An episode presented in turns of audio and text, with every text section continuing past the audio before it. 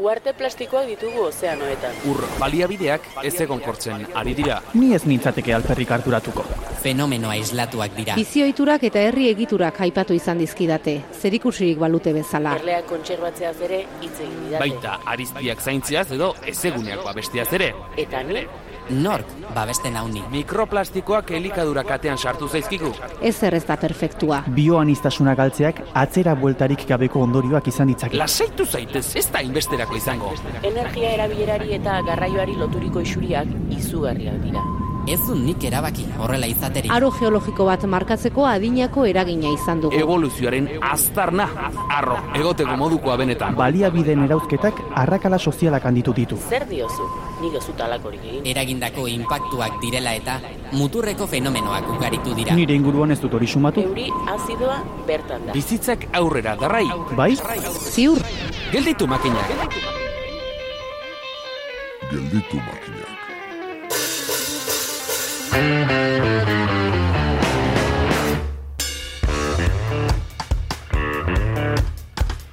Igerian alferrak diren urzaletan, ohikoa da ura eta eirearen arteko muga desafiatzea. Hankapuntetan jarri, lepoa luzatu eta belarriak eta ahoa juistuan ateratzea airera. Posizio konprometitu xamarra da, olatutxoren bat edo tolesturaren batekin, trago gazigozoa ziurra delako. Bada, posizio horretara eramandako bi esparru izango ditugu izpide gaurko saioan, hasteko artisau arrantzaren egoeraz, erronkez eta eskakizunez hitz egingo dugu Leo Belaustegi ondarroa amabi mili elkarteko kidearekin.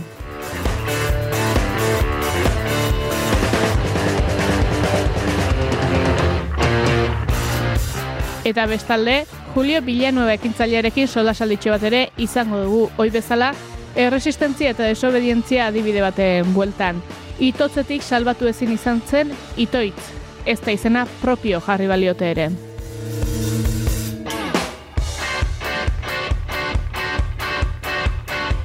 Hauxe da, gelditu makinak saioaren, hirugarren denboraldiko hogeita zortzigarren atala.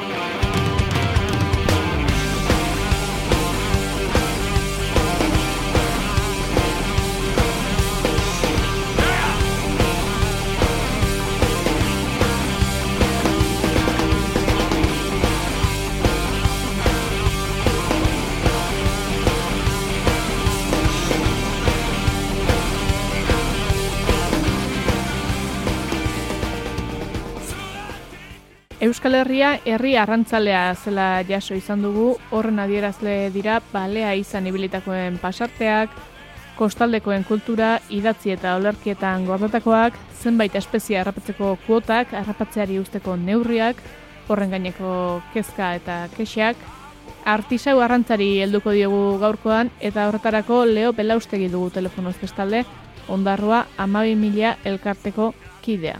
Ongi etorri, Leo. Haupa, egunon. Tira, esan bezala Euskal Herrian itxasarrantzari lotutako ibili luzea dago, baina konta iguzu gaur egun zer egoeretan dago artisa arrantza? Ba, orokorrian nahiko, nahiko triste, nahiko triste, zer zoritxarrez geruta arrain gutxio dago, eta gure itxasuak ba, ustutzen ari dira, eta horren ondorenak e, nabaria dira gure portuetan. E, juten bali magara gure portuetara bizitza bat egitera, ikusten dugu, ba, geruta itxasontzi arrantzale gutxio dagoela, eta geruta e, deportibo edo kanoa edo eraontako itxasontzia geruta geixo daudela, eta horren ezaugarria da, ba, geruta jende gitxio, geruta tostarteko, geruta arrantzale gutxio dagoela gure portuetan. E, Horixe bereizteko eskatunen nizuke, badagolako e, bereizketa bat egiterik ez, artisar arrantzaren eta industrialaren eta baita kiroleko kirola arrantzaren artean. Bai, bereizketa nabarmena da. E, artesanala da, egunero ertetzen dugunok e, arrantzara, goizean urten eta arratzandean buelta, tresna artesanalakin, amuakin, sare txikiakin, eta eguneko portuetako bizitza mantentzen dutenak, gero dago e, industriala, industriala da ba, tresna depredatzaile, zuntzitzaileak erabiltzen dutenak, horretakoak badaude arrastrera esaten jakunak, eta ingurak eta saria erabiltzen duenak ere bai. Horrek ja konsideratzen dugu industriala direla, eta e, tresna honek aidia ba, gehien gehien gaurko gure itxasuen dagon baliabide hori ba zuntzitzeko arriskuan, ez? Eta orduan ba neurri baten horren e, horren kontra edo edo edo kontrolen biharra ikusten aigia, batez ere arrantza artesanala defenditzen dugunok, ze bestela ondorenago solarriak izango dira gure itsasoan eta gure kostaldean. Kezka horietatik abiatzen da ondarroa 12.000 elkartea? Bai, hori da gure zagorerik nagusiena, eta ere esan bihar da, ba, ostopoik handixenetarikoak ere, ba, arrantza industrialean dabilen jendeak indugula. Zer, arrantza artesanala egiten da inguruetan, kalaberoetan, arrantza e, industriala dabilere, eta hor, ba, alkarrekin topo egiten dugu eta ondorenak badia ba, alkarrekin iztiluak eta alkarrekin e, e, e, era guztietako izkanbilak ibiltzen dugula bai. Amabi mila izena du elkarteak eta baldu azalpen zehatzik amabi miliarrek? Bai, gure helburua hoen dela marr urte, amaik urte sortu ginen, eta gure helburuetako bada ba, hasi e, ondartzatik edo portuetatik hasi eta amabi itxas milak, oita lau kilometro inguru horretan, gune hori arrantza artesanaleako ba, izan dadila e, zainduta. E, itxas eremu babestua e, eskatzen dugu gune horretako. Amabi mila, itxas mila horretan, e, arrantza artesanala inaz, e, uneko artesanal e, tresnak irabiliaz, ba, arrain hori harrapatzeko aukera ukitzia, eta eraberian, ba, gaur gure kostaldea, arrain asko etortzen da, antxoa, berdela, txitsarrua, sardina, eta abar, e, errutzea, desobatzea, eta hor desobatzen degoen denboran, ba, harrapatu etxen dugu, arrantzatu etxen dugu, orduan guk eskatzen dugu, itxas eremu babestua, e, izatea gune hori, ba hor arrainak bere bizizikloa bete desan eta etorkizuneko arraina eh e, ugaritzu desan ze ikusten egia e, gune horretan arrantza industriala dabilela eta espezia asko galdu indala, incluso espezia asko eta asko galdu india eta ezaugarri bat arrain mota bat ba, gure e, presiatuenetariko izan dana bisua, bisua gune edo sare tresna industrialak erabili dielako gune horretan bakaldu inda, eta ezin dugu rekuperatu eta urte asko daramagu eta geruta gutxio harrapatzen nahi da zer tresna horrek zuntzitzen nahi dalako espezie hori eta beste asko, klaro. Espezien galera eta, bueno, helduko diogu horri horrentxe bertan, baina azalduko dugu zuen jarduna hiru arlatzetan oinarritzen duzuela, batetik ba, arrantzaren kudeak eta edo dituko genukeena, bestetik e, komertzializazioa eta hirugarrenik belaunaldi berriak e, kudeaketari dagokionez zer nolako egore ikusten duzu, ikusten duzu, ba, esan duzun bezala zenbait espezie galtzen doa zela, e, ze behar ikusten dituzu alde honetatik? Bai, ikusten deu e, gaurko egoera jasan ezina dela.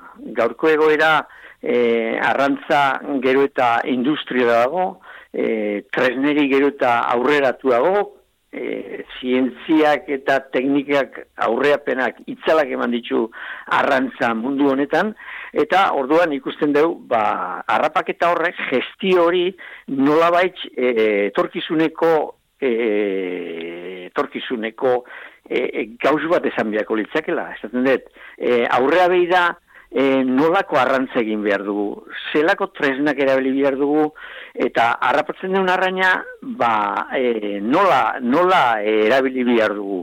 Esaten dut, e, hori da gure etorkizuneko funtza, zer edo zelako arrantza mota egiten badin dugu, etorkizuna e, zuntzitu egingo dugu. Orduan, momentu honetan, e, ikusi behar duguna da, e, zer nahi duen, elburuko edo etorkizuneko arrantza, edo eguneroko edo gaurko edo etorkizun gabeko arrantza.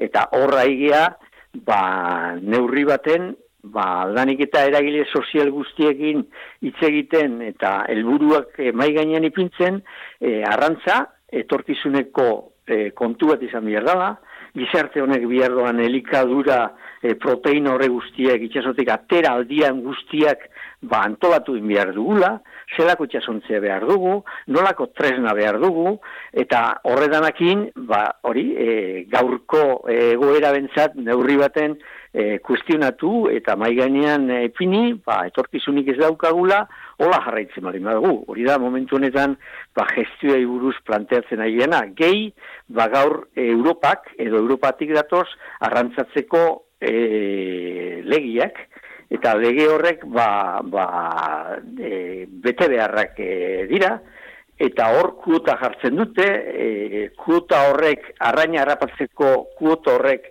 norenak izan behar dira, publikuak izan behar dira edo pribatuak izan behar dira. Gaur e, arraina harrapatzeko modua sistema kuota horredanak privatizatzen nahi dira. Armadore e, gutxin eskuetan gehatzen nahi dira, eta guk uste dugu ba hori esilekela onartu. Arraina itxasuen dagoen espezie horrek danona dira, bien komun esaten dan hori, eta hori danona donez, ba danok e, erabaki behar dugu zelan izan bihardan gure arrantza aurrea behi da etorkizuna izateko eta espeziek gure uretan, gure itxasuan ba, ba, bizitizan guri elikatzeko eta proteinaz e, gure, gure janaria bihurtzeko. Arimutur mordoa zabaldu dituzu Leo eta batzu karrapatu izkizut, beraz polik-poliki hasiko naiz. E, etorkizuneko arrantza aipatu duzu eta etorkizunean arrantza egon dadin kudeak eta baten beharra, Hala ere, hori bermatu dadin, ze nola ikusten duzu gehiago dela, kudeak eta egoki bidez gehiago egon daitekeela, alegia etorkizunean arrain gehiago egon daitezkela egun kudeak eta egoki bat egingo bagenu, ala arrantzatu kopurua jeitsi beharko litzatekeela, ba, bermatzeko urte zurte egon bada, egongo dela arraina ez, alegia, antxoarekin gertatu zen pixka batez, e, arrantza kopuru handiak arrantzatzen ziren, momentu batean murrizten da kopuru hori, kuota bidez eta e, esperizia indartzeko, eta orain berrez ere kuota kopuruak goraka doa. Bai, lehengo ni uste dut gu arrantza mundua bizigarenok e, konturatu behar gara e, gaurko e, harrapaketa gaurko gestioa honek ez doa bainoa, hori lehengo e, elburu bezala euki behar dugu. Eta horren aurrian, horren aurrian, ba, ikusi e, zelako tresnak erabili behar dugun nun erabili behar dugun tresno horrek eta zela erabili behar dugun. Zenbat arraina harrapatu, eta harrapatzen den arrain hori guztia, ba, nolako irtenbidea eman behar dixeu gure e, janari edo gure elikadura bihurtu desan. Hori da, oinarrizko kontua. Gertatzen dena da, gaurko egoerak, ba, egoera ekonomikua batez ere, gero eta jendia estuago, gero eta diru gutxio irabazten nahi da arrantzatik, eta orduan jendea, arrantzalea, ba, gero eta neurri baten gero eta estuagoa dago, e, gero eta irabazi gutxio da jasotzen, gero eta lan gogorrainaz, eta orduan hor ja mm, gertatzen nahi dia hausa batzuk, ba, ba, ba, bueno, nahaztatzen nahi dienak e, ba, egoera guztia. Hmm. Egun Euskal Herrian, bakizu zenbateko flota dagoen, e, gutxitzen ari dela ipatu duzulen? Bai, e, nabarmen gainea.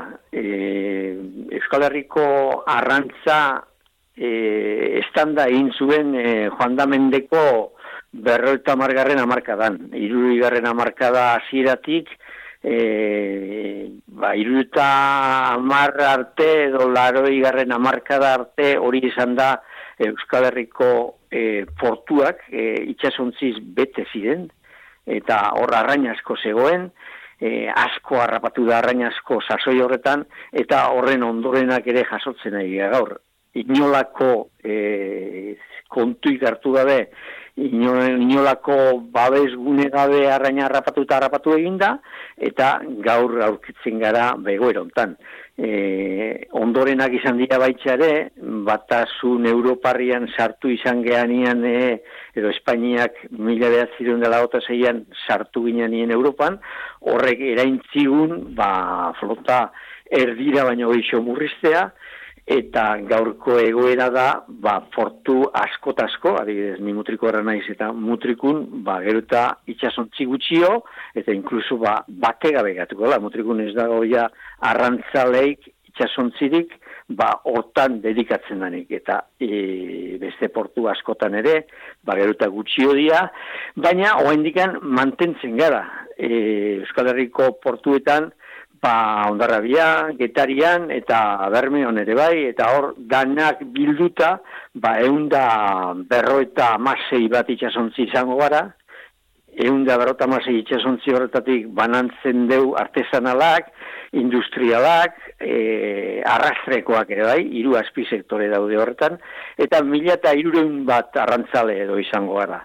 Mila eta irureun bat arrantzale, zuzenian arrantzatik e, bizigarenok eh, ba, kontuen hartzen bera dugu joan da mendeko iruruiko amarkadan, ba, ba, bueno, ba, amar mila arrantzale izango ginen, zuzenien itxasotik arraina ateatzen hiltzen ginenok, gehi, ba, portuetan, inguruetan, tremakume eta eta beste jende askok lehorretikan e, bultzatzen zoana arrantza industria orduan.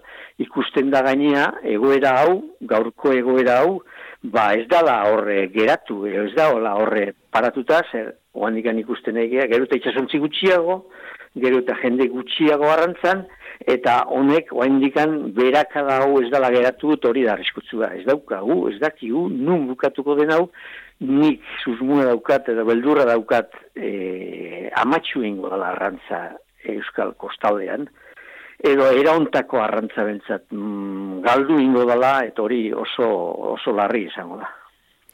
Egun, Leo, bauka ibilbiderik e, artizar arrantza bidez harrapatzen den arrainak, Euskal Portuetara iritsi eta zer bide egiten du, edo badauka iristen da, nora baita?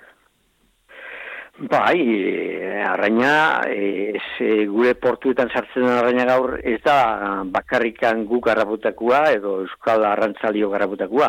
Gaur gure kostaldian, ba, antxo batan eta berdeletan, haidia, ba, kantauruak, asturianuak, galeguak ere, e, flota guztia dago inguru honetan, zer antxobia eta berdelaren sasoia da, sardinaren ere bai, eta hemen gabiltz dano garrantzan, gure kostaldia gaur, beteta dago, itxasontziz, eh? e, kantauri osoko e, portuetako arrantzaliak hemen dabiltz arrantzan, eta arrain hori gehiengo bat gure portuetan sartzen da, eh? ba, ondarroan, bermion, ondarrabian, getarian, eta horrek ba, bizitzasun bat ematen du indikan, baina e, kontu behar dugu ba, arrain hori guztia edo gehiena e, konservata dihuela, edo, edo, edo e, beste arrain batzuik jaten emateko dauela, eta elikatzeko oso jateko bihardan beste ez tala erabiltzen bintzat. Zuri aditutakoa da jangletan ordea ez dela hemengo arrainek jaten?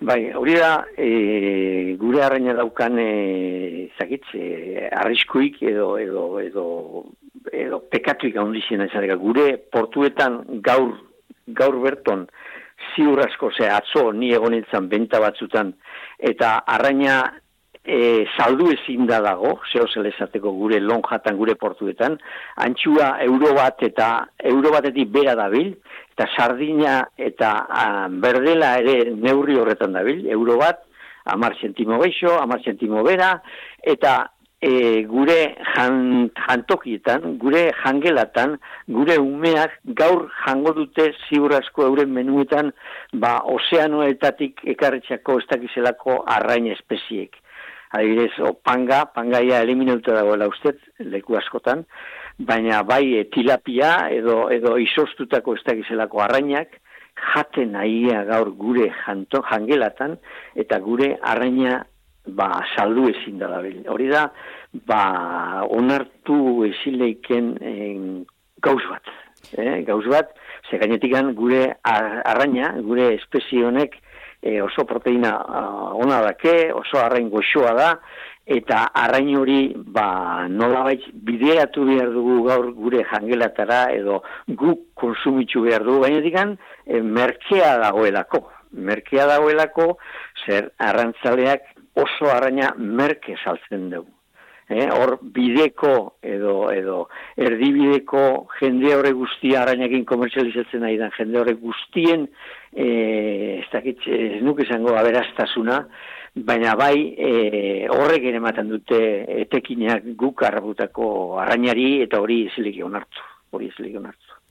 Arrainarekin oraindik ere badago eskaria eta eskaintzaren logika baliatzen da, e, ikusten duzu modu hori, modurik hori erregulatzeko, edo horrek lagunduko luke agian ba, asko dagoenean prezioak e, lurrera ez erortzen?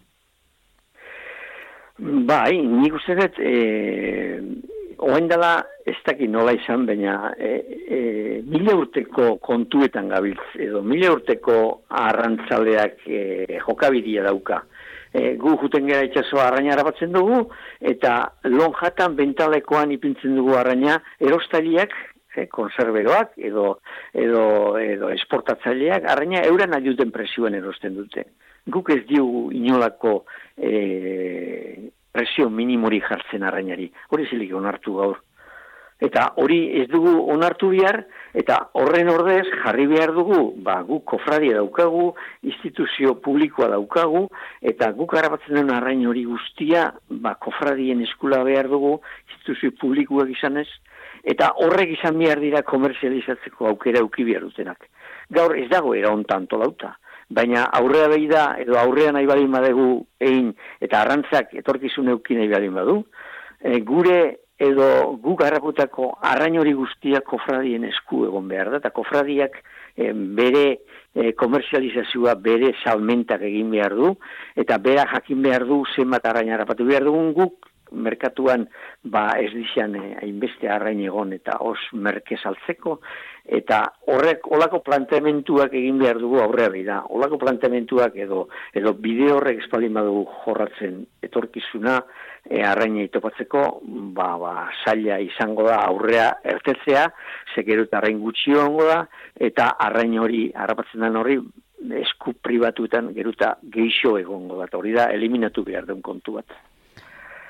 Lehen ere aipatu ditugu eta instituzioek hartu beharreko erabakiez ere aritu gara, la ere irakurri nahi izkizu Eusko Jaurlaritzako arrantza zuzendari den Leandro Azkuek esanak, berak esana delako Bizkaiko eta Gipuzkoako portuek badituztela desabantaila batzuk, tamaina txikiagokoak direla, errepide konexio txarragoak dituztela, eta transformaziorako industria gutxiago dutela inguruan. Alegia, eroslean dientzat eta kanpoko ontzientzat ez direla inerakargarriak.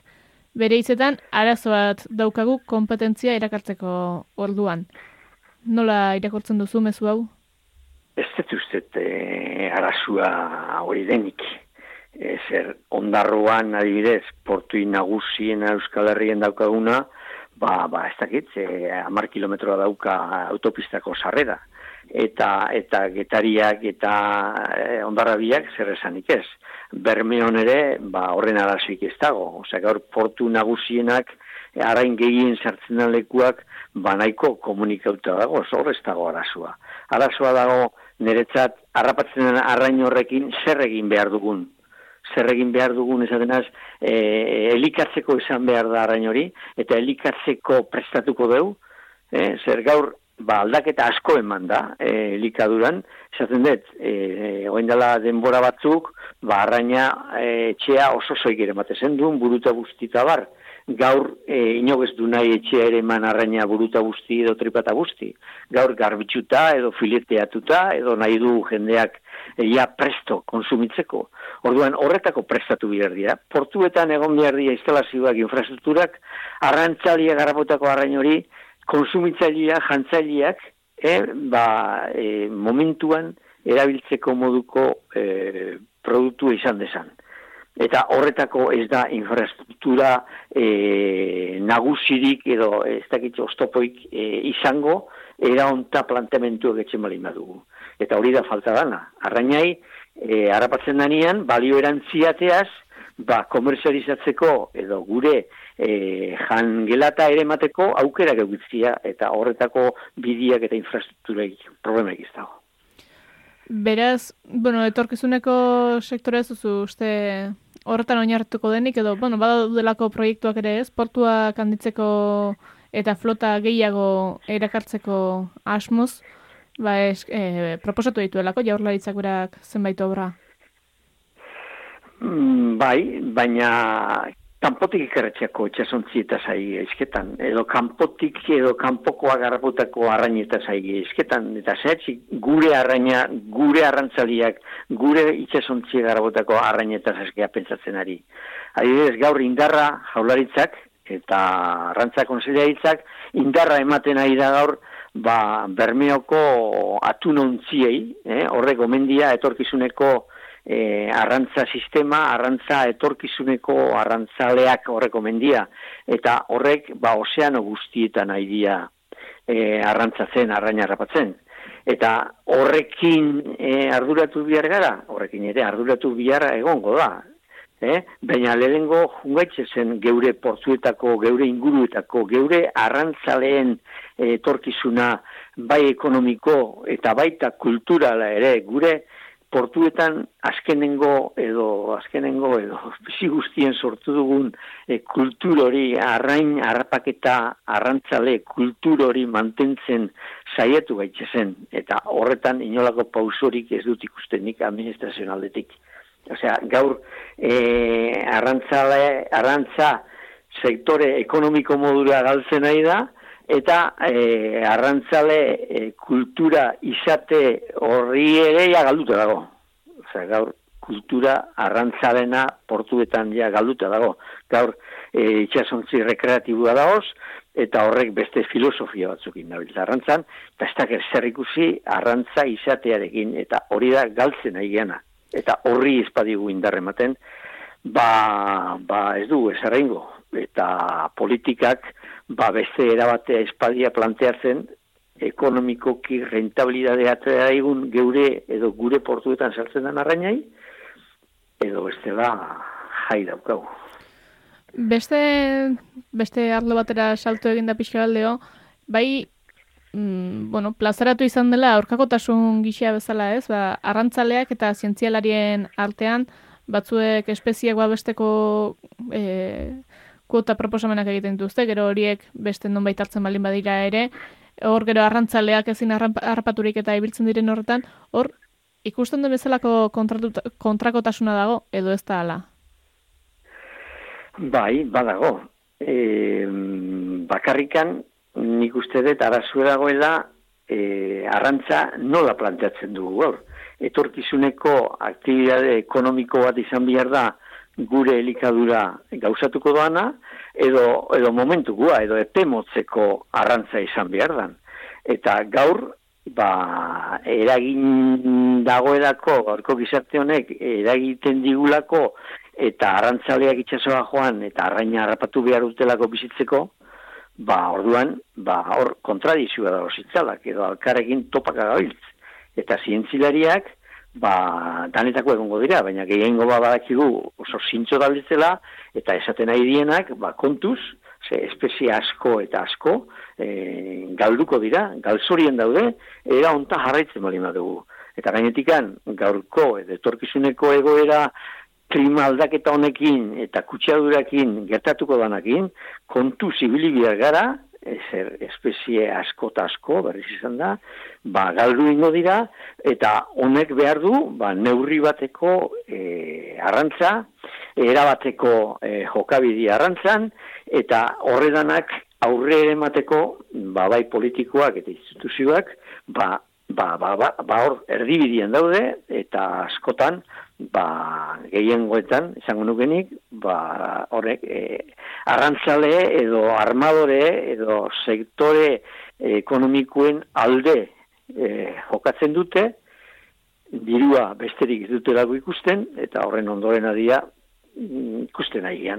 Eta orduan dagoz, talka itzela hor, zintzilariak eta agente ekonomikoakin. Eta eta hori, nolabait, ba, bideratu biharko da, zer etorkizuna, nik uste dut esan behar dela, arraina egon behar da itxasuan, eta arraina bere bizizikloa bete behar du, eta horren aurrian ikusiko dugu gero nola harrapatu, eta zer egin harrapatzen den arrainarekin. Etorkizuneko arrantzaleo, ja esan garra izan dadin, eta arrantzalea egon dadin, belaunaldi berriak itxasotik bizi izateko, alik eta aliatu gehien behar dituzuela diozue, non ari zarete aliatu horiek pilatzen edo zein dia zuen jomugak? Ba, hori da beste, beste arazoa gaur arrantzan gertetzen dena. E, gero eta harin gutxio egoneran, ba, gero eta denbora itxasuan pasatu beharrenean, eta gero eta e, irabazi gutxio egoneran, ba, gero eta arrantzale gutxio dago sarrantzan. Gero eta gutxio dago, baina nabarmen, zer gainetikan e, arrantzalea edo tostartekoa nola esateko gaur, ba, etorkina da. Etorkina espalitz, ba, gaur arantza sektoreak ez luke funtzionatuko. Eta hori zehatzi da, ba, etorkinak, ba, zoritxarrez, ba, nun lan egin behar du, bere irabazia nun batxen oinarretxu behar du, eta, ba, lanbide edo, edo, edo enpresa topatzen du, itxasuan, ba, gu, edo guitakoak, ez dutelako nahi itxasua joan. Edo hori da, e, gertatzen nahi gaur momentuan, eta e, ikusten nahi gea, ba, geru eta bertoko, eh, eskualdun, edo, edo, edo, nola batxeko gure guneko jendea gero eta gutxio doa baitxasoa, eta gero eta torkin gehiago datorla. Eh, hori da, ba, neurri baten gertatzen nahi dana, eta neurri baten hori, ba, ba, ba, saiestu behar dana, eta hori saiesteko modua da, ba, bizi baldintzak egokitxun behar diala gaur arrantza sektorian, eta bizimorua egokitzeko, ba, oain dela egun urteko bizi baldintzak indabil gaur arrantzale itxasoan, ba, soldata fijorik ez dauka, e, e, lan, lan egunak e, ez dauka deskantzorik, e, oporrik ez dauka, e, arazo asko daude, gaur gazte bati, belanaldi berri bati, ba ez diona inolako interesik sortzen arrantza da joateko. Eta hori derrigorrezkoa da aldatzia, ze bestela, ba, etorkiniak bakarrik izango dira, eta gainetikan, etorkinak gaur postartzekoa dira, zehose esateko, arrantzalia dira, baina itxasontzia erabili dana patroia edo, edo motorista edo horrek, oraindikan etorkinak ez daute prestauta hor edo lan arduro horrek hartzeko. Orduan, hori gauzatzen ez dut mitxartian, ba, azkenian e, itxasontziak, ba, ezingo dute portotik erten, ba, ez dutelako jenderik e, barko hori e, navegatzen ipintzeko. Hori da, sortzen ari dan e, e, arazo nagusietako bat, eta horri ez dio nahi inok e, heldu. Adidez, administrazio hori planteatzen ari zu eosein langilek, gaur eosein sektoretan, behar dun edo edo edo edo edo e, oinarrizkoak ditun e, lan baldintzak arrantzan ez dira aplikatzen, hori zehatzik ez da arrantzan e, aplikatzen. E, soldata fijoa da direz. Soldata fijoa gabe dago arrantzalea. Arrapatuaren araberan dago bere irabaziak.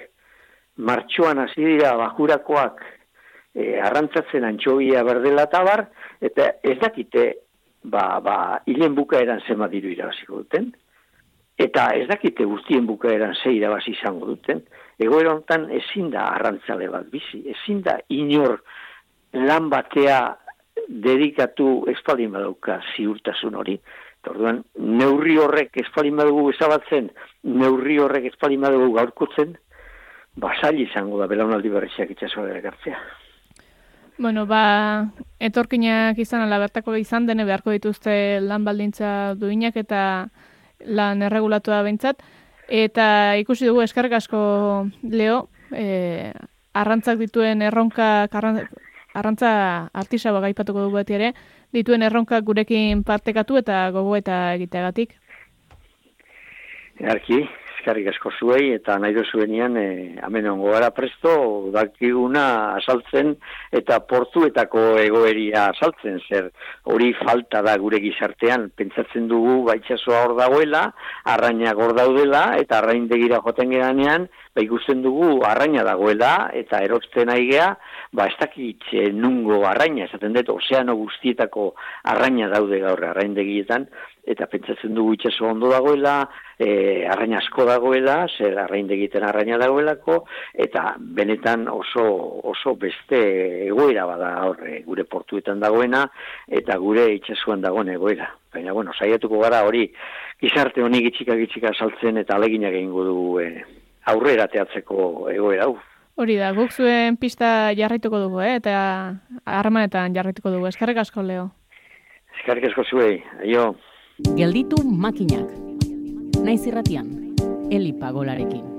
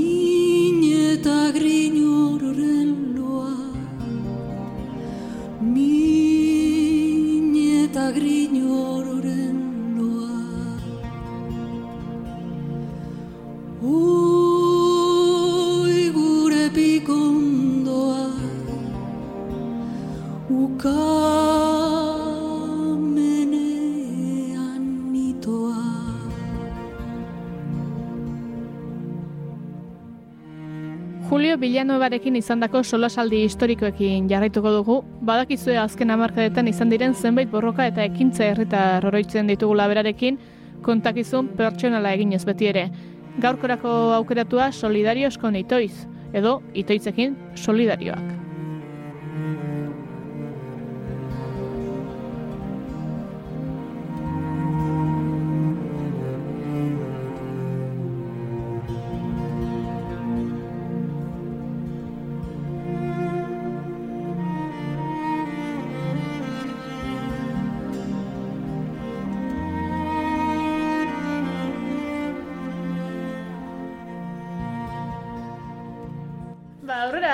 Segiko dugu eta aurrengoa e, solidarios con itoiz edo ezagutu zena, laroita amaseitik e, zerbait gogoratzen hasita itoitz gogoratuko genuke eta ezinbestean gainera. Urteiaren eraikuntza horretarako hormigoia garraiatzen zuten kableak moztu zituen talde batek, lanak urtebete baino gehiagoz paralizatu ziren horrela, eta uste dut zerbait badakizula honetaz ez da, Julio? Bai, zerbait badakigu, bai. Irudi ikusgarriak dira, dozen erli bat lagun e, kable handi horiek motozerraz mozten ikustea, baina konta eguzu pixka bat, nola heldu zineten horrelaino edo horren aurretik e, ze izan zuen itoizko mugimenduak.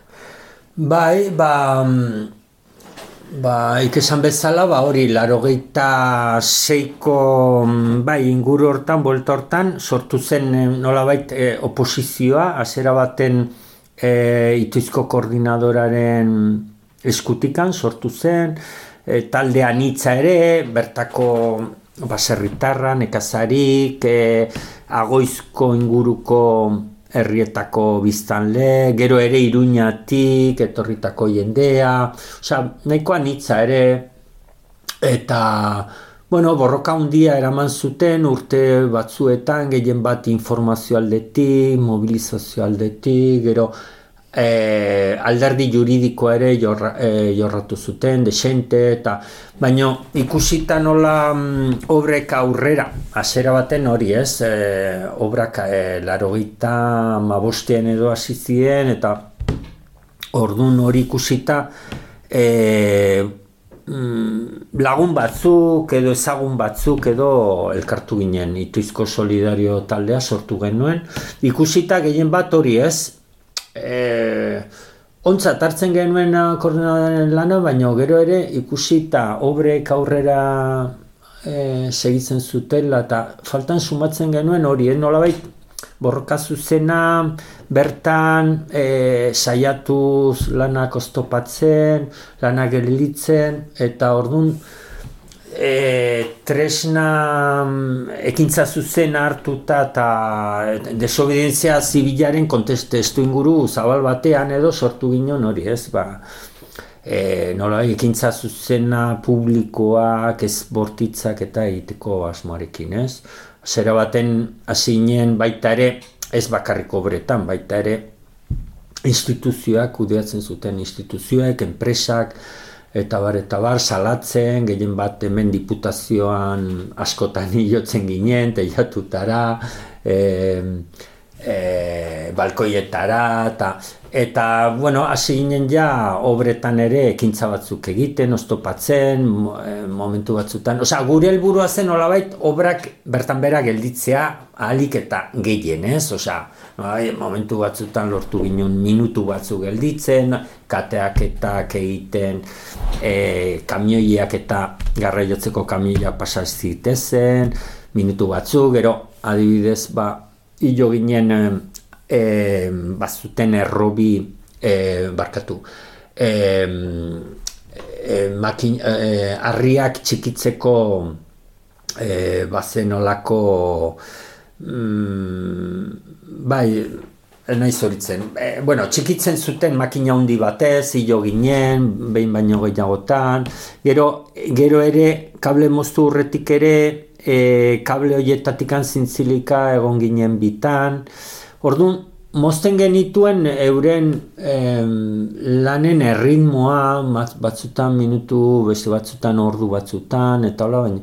Eta azkenen hori, e, pensatu geno, joder, ba, ikusita nola mm, obren bihotza kable ditxosozko kable horiek ziren, zei konturatu ginen, zintzilikatu ginenekoetan, ikusten genuen, karo, kable horiek gabe zin zutela porlana garraiatu batetik bestera, ez? Eta orduan, kontxo esan genuen, joder, ba, hau moztu behar ditugu, ez? Eta eta orduan pentsatu eta egin, hola, e, prestatu genuen ekintza eta hola, eta gure irudiko baino asko ez e, arrakastatxoagoa izan zen, ze pensatzen genuen, ba, bueno, hau moztu eta bere ala ekarriko dituzte, baina karo, gero konturatu ginen, karo, komplejotasun handiko e, azpeitura zela, kable hoe bakarrik lau galdarategitan egiten zirela munduan, Orduan, karo, e, hortarako ez, ez zituztela kable horiek egun hori egiten, orduan hori dela eta karo amar e, iaia urte bete geldirik egon ziren obrak, eta bueno, bere ondorio guztiekin, ez, e, egia esan, e, ekintza horrek nolabait mm, itxaropen handi bat sortu zuela, elkartasun holde bat ikaragarri e, sortu zuen, gero itoizko elkartasun e, bueno, nolait, itoizekiko elkartasun taldeak ere, ba, e, barriatu ziren, toki askotan, e, ez bakarrik hemen Euskal Herrian, baita Madrid, Valencian, e, Zaragozan, ere ekintzak egin ziren, orduan, nolabait, e, oi hartzun handia izan zuen, oso, gau, gero ere, ez da bihar ere, bere ondorio legalak izan zitula, Bai, kartzela zigorrak eskatu. Kartzela zigorrak, e, bueno, Nafar gobernuak emeretzi urteko kartzela zigorra eskatzen zuen, e, azkenean, ba, bueno, azkenean e, bos urte eta amari jabeteko kartzela zigorra ezarri ziguten.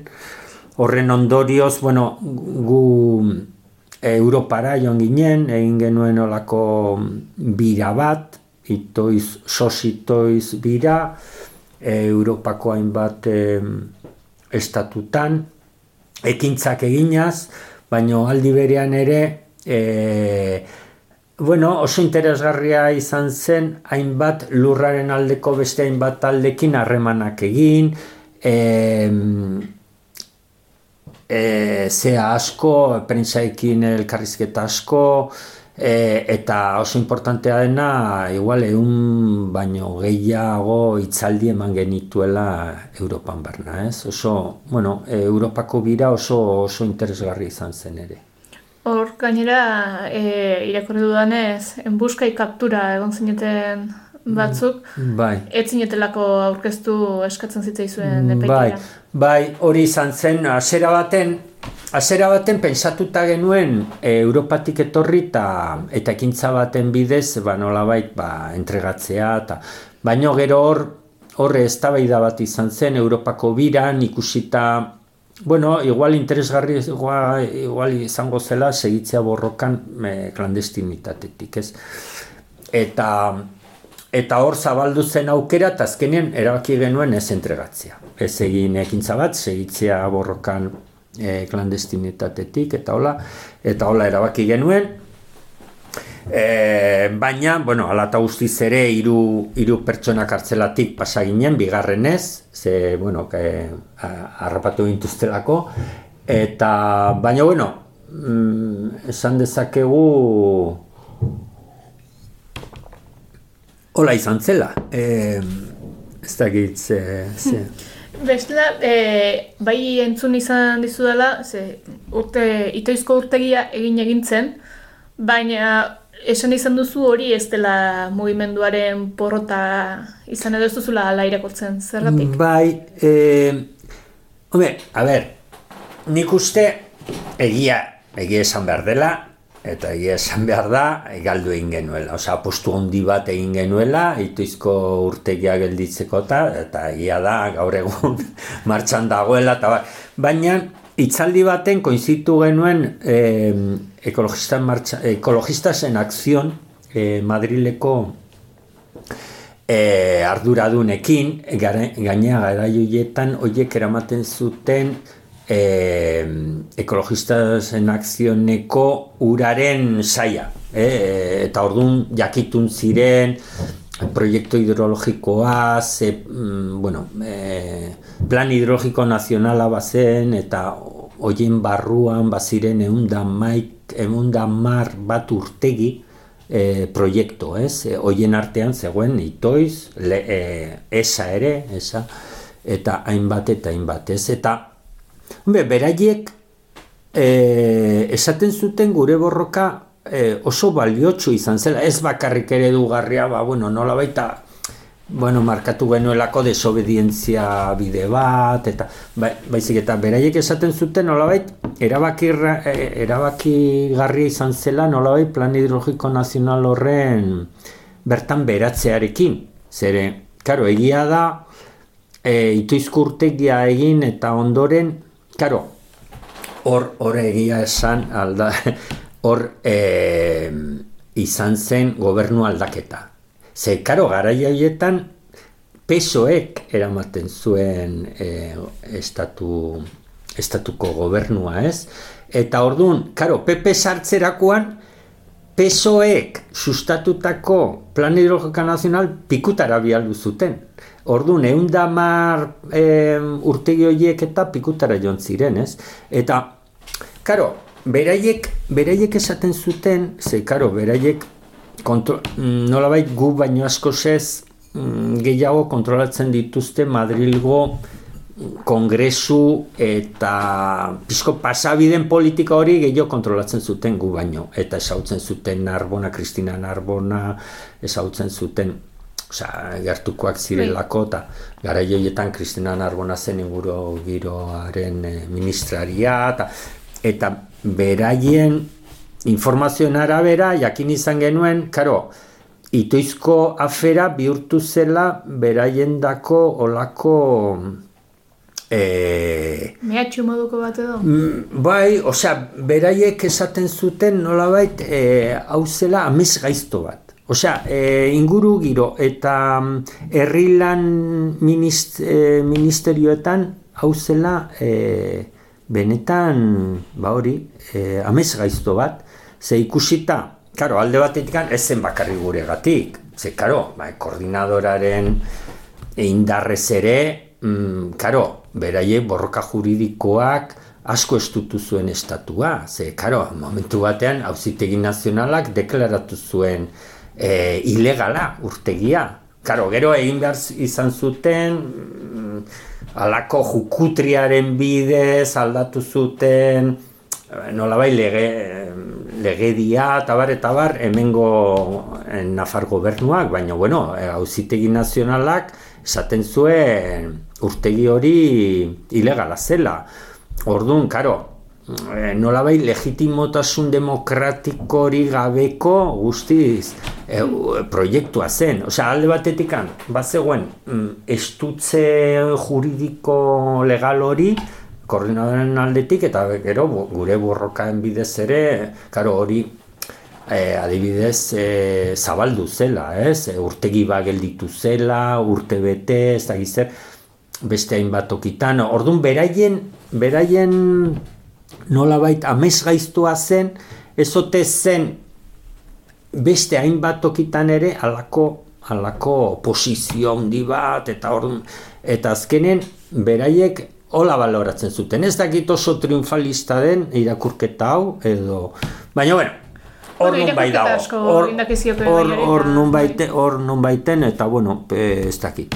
E, egia esan, ba, bueno, e, bide bat hor markatu zela eta hasi batzuk utzi genituela bidean eta bueno, hor e, borroka oso handia izan zen, zoritxarrez hemen ez genuen irabazi, eta hori, eta gainea, Gainera, hemen Nafarroan badugu beste mamu handi bat, esako urtegia, gainera. E, bai, hori da. E, arazo pila dituena, egon kortasunai begira, eta bar, eta bar. Eta, eta hori, hori esako urtegia da, plan hidrologiko nazional horren e, semea ere.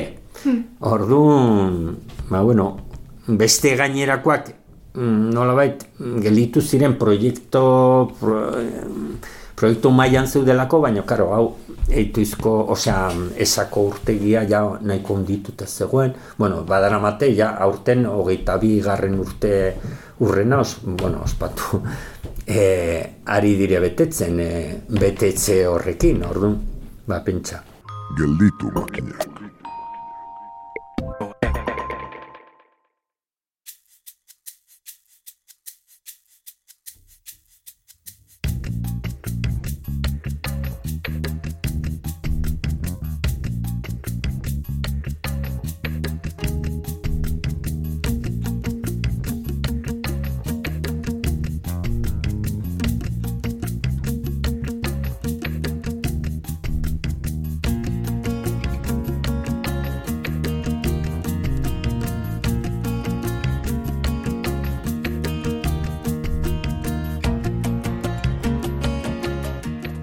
Onaino gaurkoak entzule, eta badakizu, gure podcast entzuteaz gain, proiektu txikitzaile ez leporaino eginda gaudenok jo eta ito ezkaitzaten, mobiliza zaitez. Ongi izan, datorren asterarte. arte.